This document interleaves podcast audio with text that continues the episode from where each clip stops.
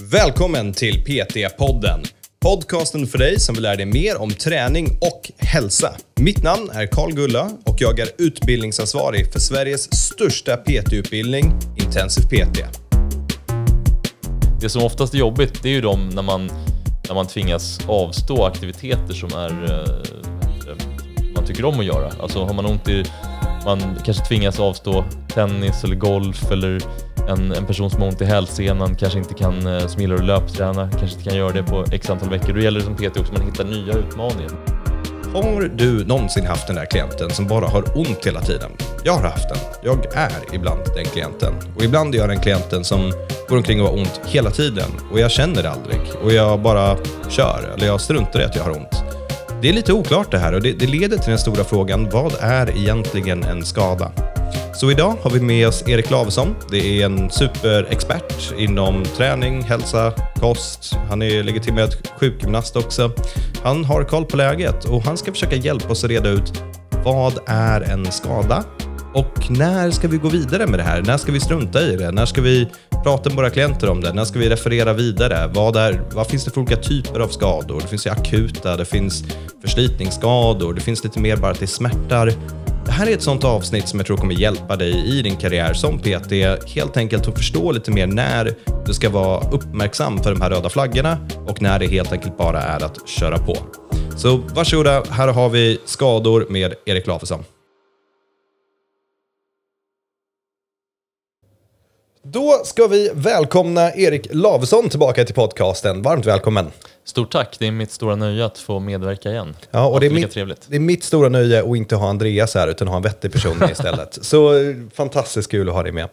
Ehm, du, idag, du har ju bakgrund som PT och fysio. Och Just det, sjukgymnast ska jag säga. Jag är inte legitimerad fysioterapeut, jag är legitimerad sjukgymnast som det hette på min tid. Jag har inte Vad är bytt- skillnaden?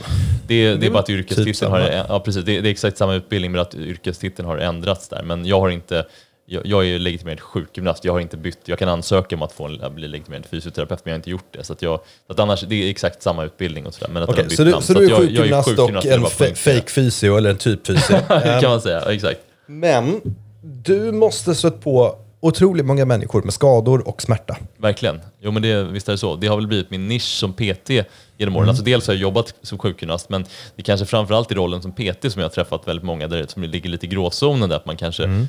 mellan friskvård och, ehm, eller kanske mer, ja, det är, det är en, lite gråzonen mellan egentligen sjukvård och friskvård men att de ändå Mm. söker sig till, alltså de, ja, de har med sig någon, någon, en eller flera krämpor sedan tidigare olika, olika slag och därför vill, känner sig lite mer trygga med att träna med en PT som har en sjukgymnastbakgrund också. Ja men precis, det är, och det är ju självklart att man drar sig till någon. Det är lite mer skadeorienterat, då vill man ha någon som har koll på läget. För personliga tränare i grunden, liksom, visst vi kan jobba med folk som har diverse olika skador, men det är inte det som vårt jobb är. Det, det är inte det som är fokuset. Fokuset är att försöka jobba med tränade människor eller träna upp människor. Verkligen.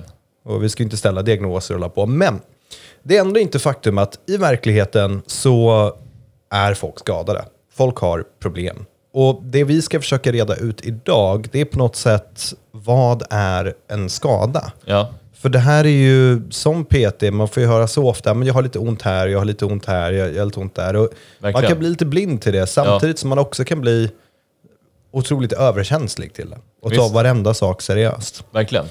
Så vad skulle du säga, vad, vad är faktiskt en skada då?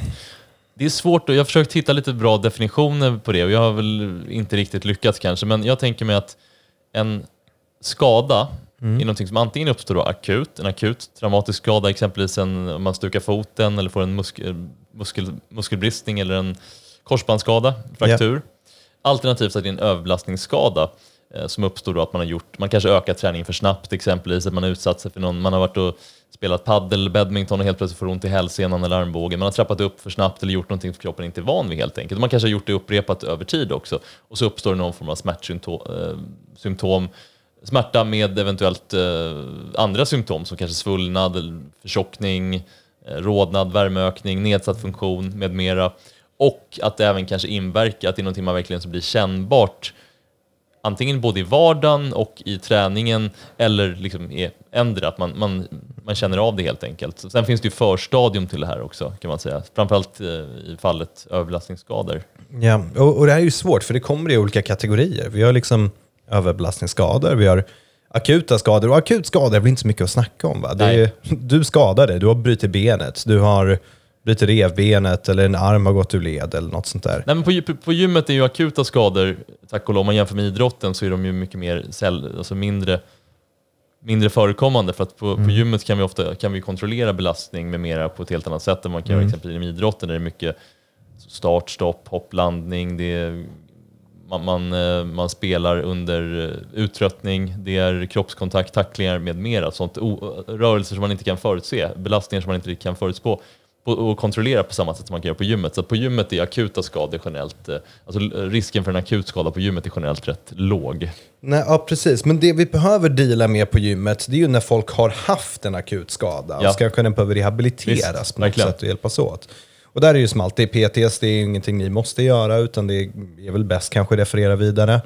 Och, och jag tror kanske inte vi ska gå in på särskilda rehabiliteringsprotokoll, för det har vi faktiskt ganska mycket olika avsnitt som täcker. Vi har ju pratat om olika skador och hur man ska tänka kring det. Och vi har ju föreläsningar som täcker det ämnet, så jag tror när det gäller just akuta skador, då vi, liksom, vi tar den och vi stoppar den i ett hörn när vi refererar till alla andra avsnitt. Ja, Vi har också överbelastningsskador. ja, Och då är det väl två saker. Det är väl dels om det har skett, men också att det kan ske på Ja. gymmet. För det, det måste ju vara vanligare än akuta skador på gymmet. absolut, verkligen. Och det är väl ofta kopplat till att man kanske har trappat upp träningen för snabbt, att man tränar med eh, undermålig teknik, att man har eh, kanske inte hörsammat tidiga tecken på tecken för det här. Det kan ju vara så att man börjar få lite känning i axeln eller i armvecket, bicepssenan exempelvis, eller em, handleden eller vad det nu kan vara, eller knät.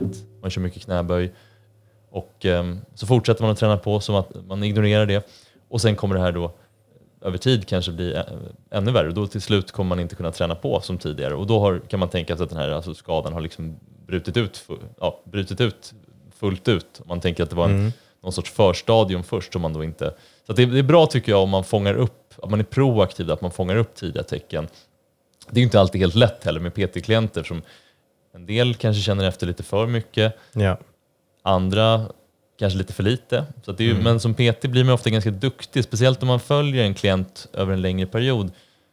Blir man ju ganska duktig på att se, okej, vem är den här personen? Ska jag, okej, nu säger han, nu... Jag brukar ofta titta lite grann på sådana tecken på att, säg att jag har en klient som kanske inte, så ver- verbali- som inte uttrycker så mycket att man har ont, men då kan man titta lite grann på, okej, han, han eller hon verkar ta sig för axeln efter sätten. Ja. Då kanske, okej, har du, verkar som att har du lite ont där? Nej, men det är lugnt, för det är en typisk sån här tics har jag sett, att man, har man ont i axeln då börjar man liksom, ska man känna efter och börja vrida lite grann på den. Har man ont i knät kanske man står och på något sätt försöker skaka loss benet lite grann, sträcker ut det. Ja. Man kan också hålla koll på mimi- mimiken, verkar kli- klienten grimasera under Ja. eftersätten. Och ehm, i slutändan handlar det om att ha en bra dialog med den här personen så att man kan fånga upp det här i ett tidigt skede. Det tycker jag är superviktigt. Och att även göra en värdering av är det här någonting som vi ska... Självklart ska vi alltid notera det. Att om min klient rapporterar smärta, då frågar jag var sitter smärtan? Skala 1 till 10, hur ont gör det? 1 är ingen smärta, 10 är värsta tänkbara smärta. Den så kallade VAS-skalan som man använder inom vården, Visual Analog Scale. Och då brukar man generellt säga att upp till kanske en 3-4 på den här subjektiva smärtskalan är okej, förutsatt att det inte blir värre dagen, dagen efter passet. Så då kan vi notera det. Men är det däremot mer än en, eh, så här, 4, 5, 5, 6 då kanske det är lite så att okej, nu ska vi nog inte, nu ska vi nog kanske inte fortsätta med den här övningen eller vi kanske ska göra någon form av antingen modifiera tekniken, sänka vikten eller hoppa vidare till nästa övning Ja. och följa upp det såklart. Och det är vettigt att försöka sätta någon sorts semi-objektiv bedömning på det i alla fall. För liksom skala 1 till 10. Eh, för då, och bara fråga, har du ont i axeln? Nej, det är okej. Eller ja, men ja, lite grann liksom. Det är, och, och få någonting som du faktiskt kan följa upp över tid. Det, det är inte alls dumt. Verkligen. Och att man tycker jag, som PT ska man notera det i sin träningsjournal och, eh, och så följer man upp det nästa gång och följer det här över tid. Och jag brukar också fråga mina klienter då att vi säger nu att en klient rapporterar lite, som verkar ha lite ont i ena axeln eh, jag, och så frågar jag om det så är det en trea. Okej, då skriver jag upp det. Klienten får gärna beskriva var, var sitter smärtan, hur ont gör det, vilka rörelser är provocerande.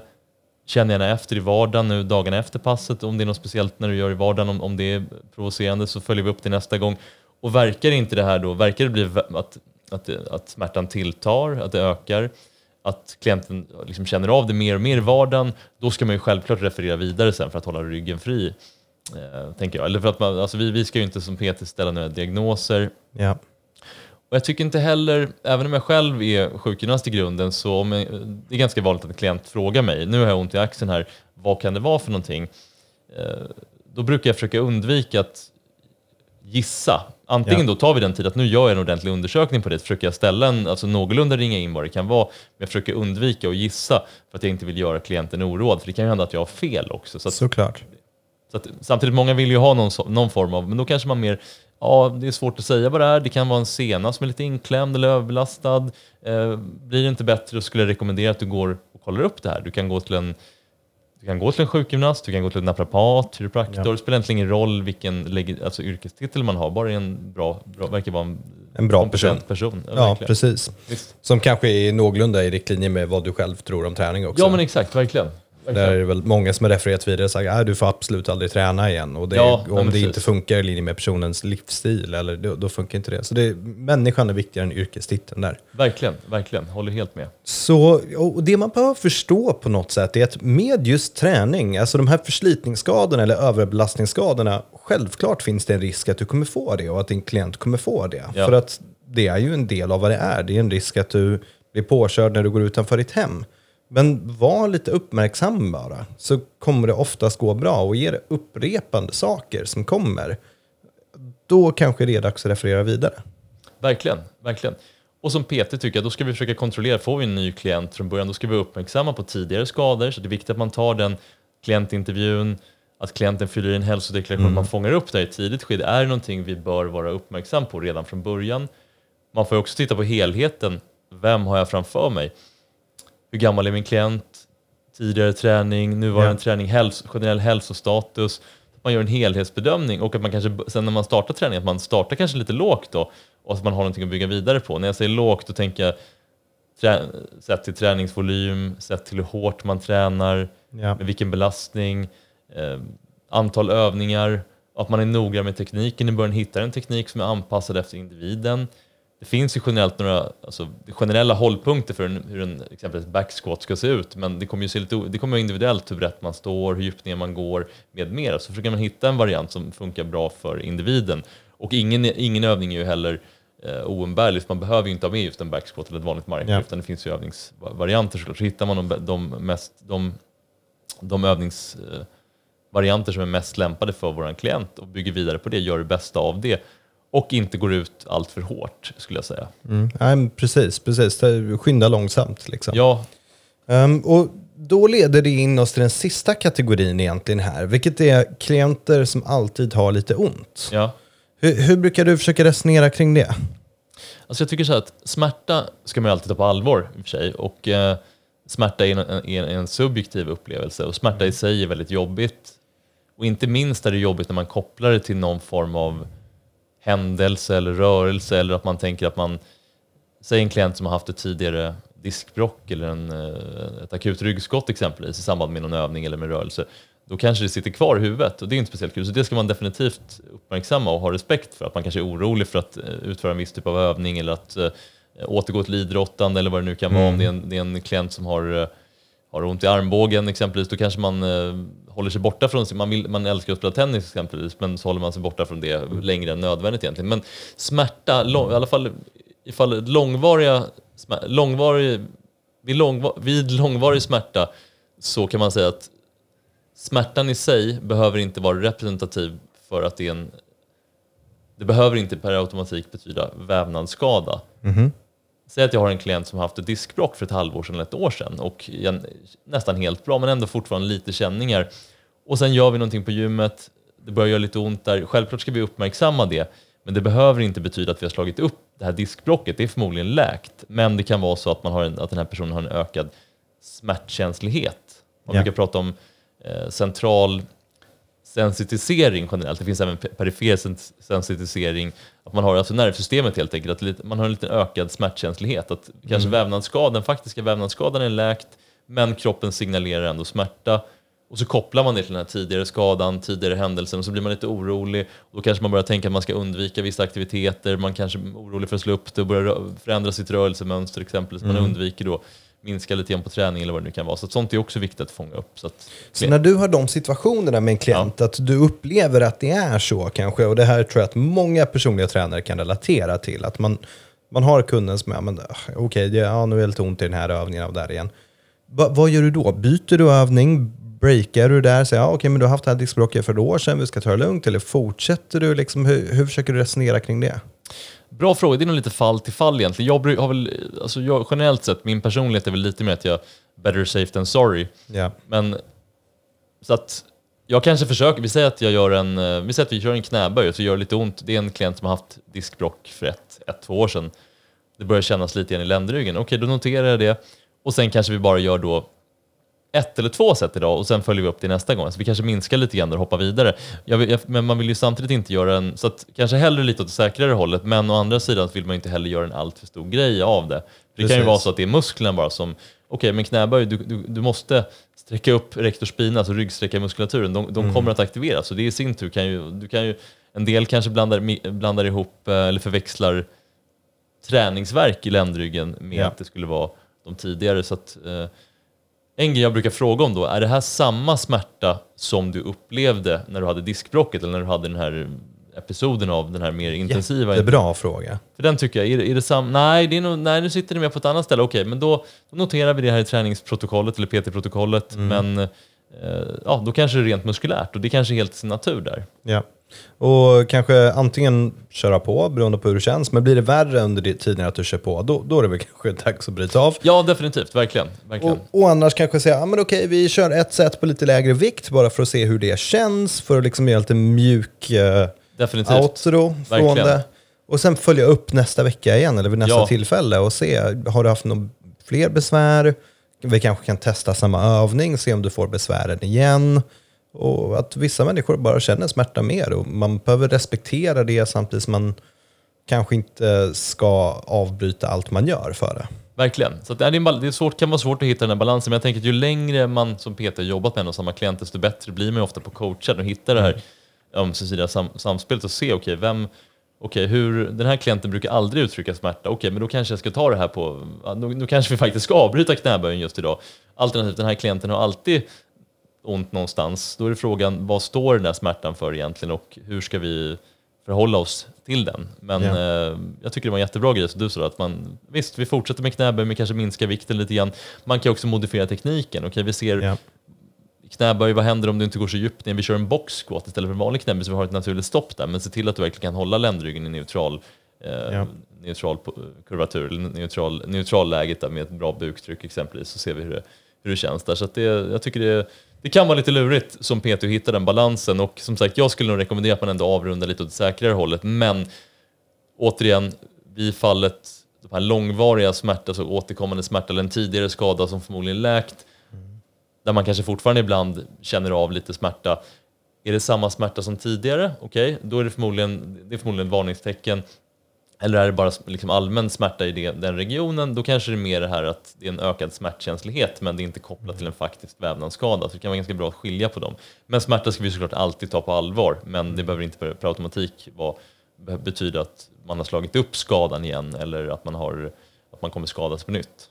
Så nu har vi pratat lite grann om akuta skador, väldigt kort om akuta skador, men det är för att det, det finns liksom inget utrymme att prata om det mer i det här. Vi har pratat lite grann om överbelastning och förslitningsskador och så har vi gått in lite mer på den här överkänsligheten som finns kanske. Ja, Det är väl egentligen det som finns när det gäller just skadekategorin och då, då kan det vara intressant att höra från din erfarenhet. Vad, har du några case studies som står ut för dig själv specifikt? Så tankar kring ämnet.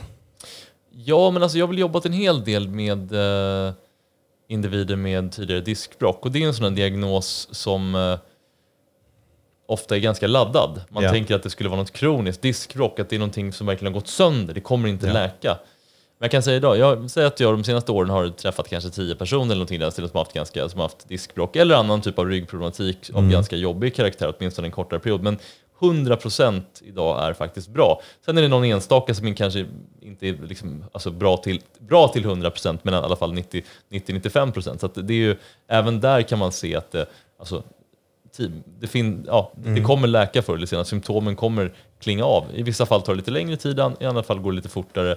Och ehm, såklart är det väldigt jobbigt när man väl har det, men det kan ju vara bra att veta. De flesta skadorna läker med tillräckligt med tid. Det som oftast är jobbigt, det är ju de när man, när man tvingas avstå aktiviteter som, är, eh, vad heter det, som man tycker om att göra. Alltså Ja. har man ont i, man kanske tvingas avstå tennis eller golf eller en, en person som har ont i hälsenan kanske inte kan, eh, som gillar att löpträna, kanske inte kan göra det på x antal veckor. Då gäller det som PT också att man hittar nya utmaningar, att man försöker hålla dem aktiva och göra faktiskt, alltså att man inte bara vilar tills det känns bättre utan man faktiskt gör det man kan under tiden tycker jag. Att man liksom lägger det här lite grann i den här alltså plus, ska man säga, plus, pluskorgen, att man gör det, man tar lite eget ansvar. tycker jag är en, en viktig del. Men, men just vi, det har jag ju sett vid de här diskbråcken att det kan vara så att man då att det kan vara lite återkommande att man, man har en ökad smärtkänslighet i just eh, ländryggen eller den, eller den regionen, att man då kopplar det till att nu börjar det göra ont här under träningen, nu är jag väldigt rädd att slå upp det här igen.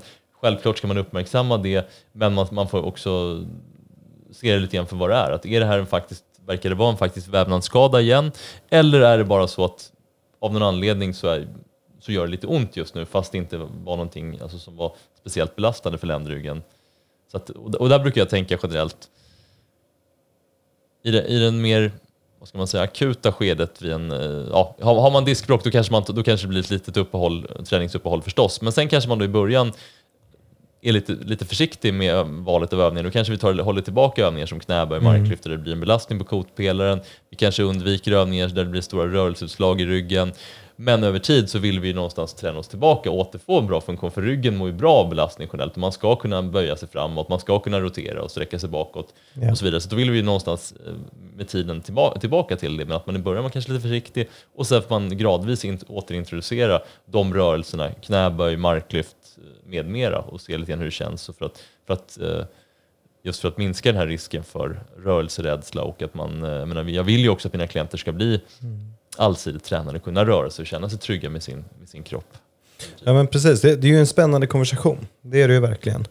Och det gäller ju som PT helt enkelt att lyssna på din klient. Jag tror det, det är väl den stora lärdomen av det här avsnittet. Verkligen, det tycker jag är viktigt som sagt att man fångar upp tidigare skador så man har det i åtanke från början. Att man har en kontinuerlig dialog med klienten. Man fångar upp i tidigt skede om det börjar göra ont, om det börjar upp någon så här, alltså, förstadium på en överlastningsskada under träningen. Att man eh, tittar lite grann kanske på klienten, som sagt. Verkar klienten grimasera under ett sätt eller eh, någon annan form av tics, att man rör, börjar rotera axeln eller att man börjar nu sitter jag och gör det här, ni kan inte se mig, men Karl gör det. Han gav mig en liten sån här... fan håller han på med? Jag gör Eller det man- väldigt ja, ofta under avsnitten. En person som har ont i ryggen vill ofta böja sig framåt, upplever ofta att det är skönt. Och ibland kan det vara bra, ibland kanske mindre bra, i den, ja, och så vidare. Så det, det finns sådana här grejer som man kan vara lite uppmärksam på som PT. Ja, och ställa frågan, är det samma smärta som du hade tidigare? Exakt, den tycker jag är bra generellt. Och återigen att man refererar vidare vid behov, alltså vid eh, just känner vi det att okej, det, här verk, det verkar som att det här är en faktisk skada, att, det är, att smärtan har tilltagit, klienten känner av det i vardagen, kanske måste avstå från sin löpträning eller från sitt eh, golfspelande eller sitt idrottande eller vad det nu kan vara. Och eh, ja, då, kan, då refererar vi vidare helt enkelt så att vi får, kan få en diagnos eller få ett, någon form av utlåtande, lite, lite råd och regim. Och då tycker jag som PT får man gärna prata med, alltså fråga klienten om det är okej. Skulle jag kunna ringa till din naprapat eller kiropraktor och bara stämma av lite grann vad, om vi, några generella rekommendationer eller någonting vi ska tänka på. Det är ju väldigt proffsigt. Ja, det är en otroligt bra service. Verkligen. Verkligen. Ja, men du Erik, superstort tack för att du kom och återigen tog din tid för att dela med dig av det här. Men stort tack. Mitt, alltid mitt nöje att språkas. Ja, och alltid mitt nöje och inte Andreas.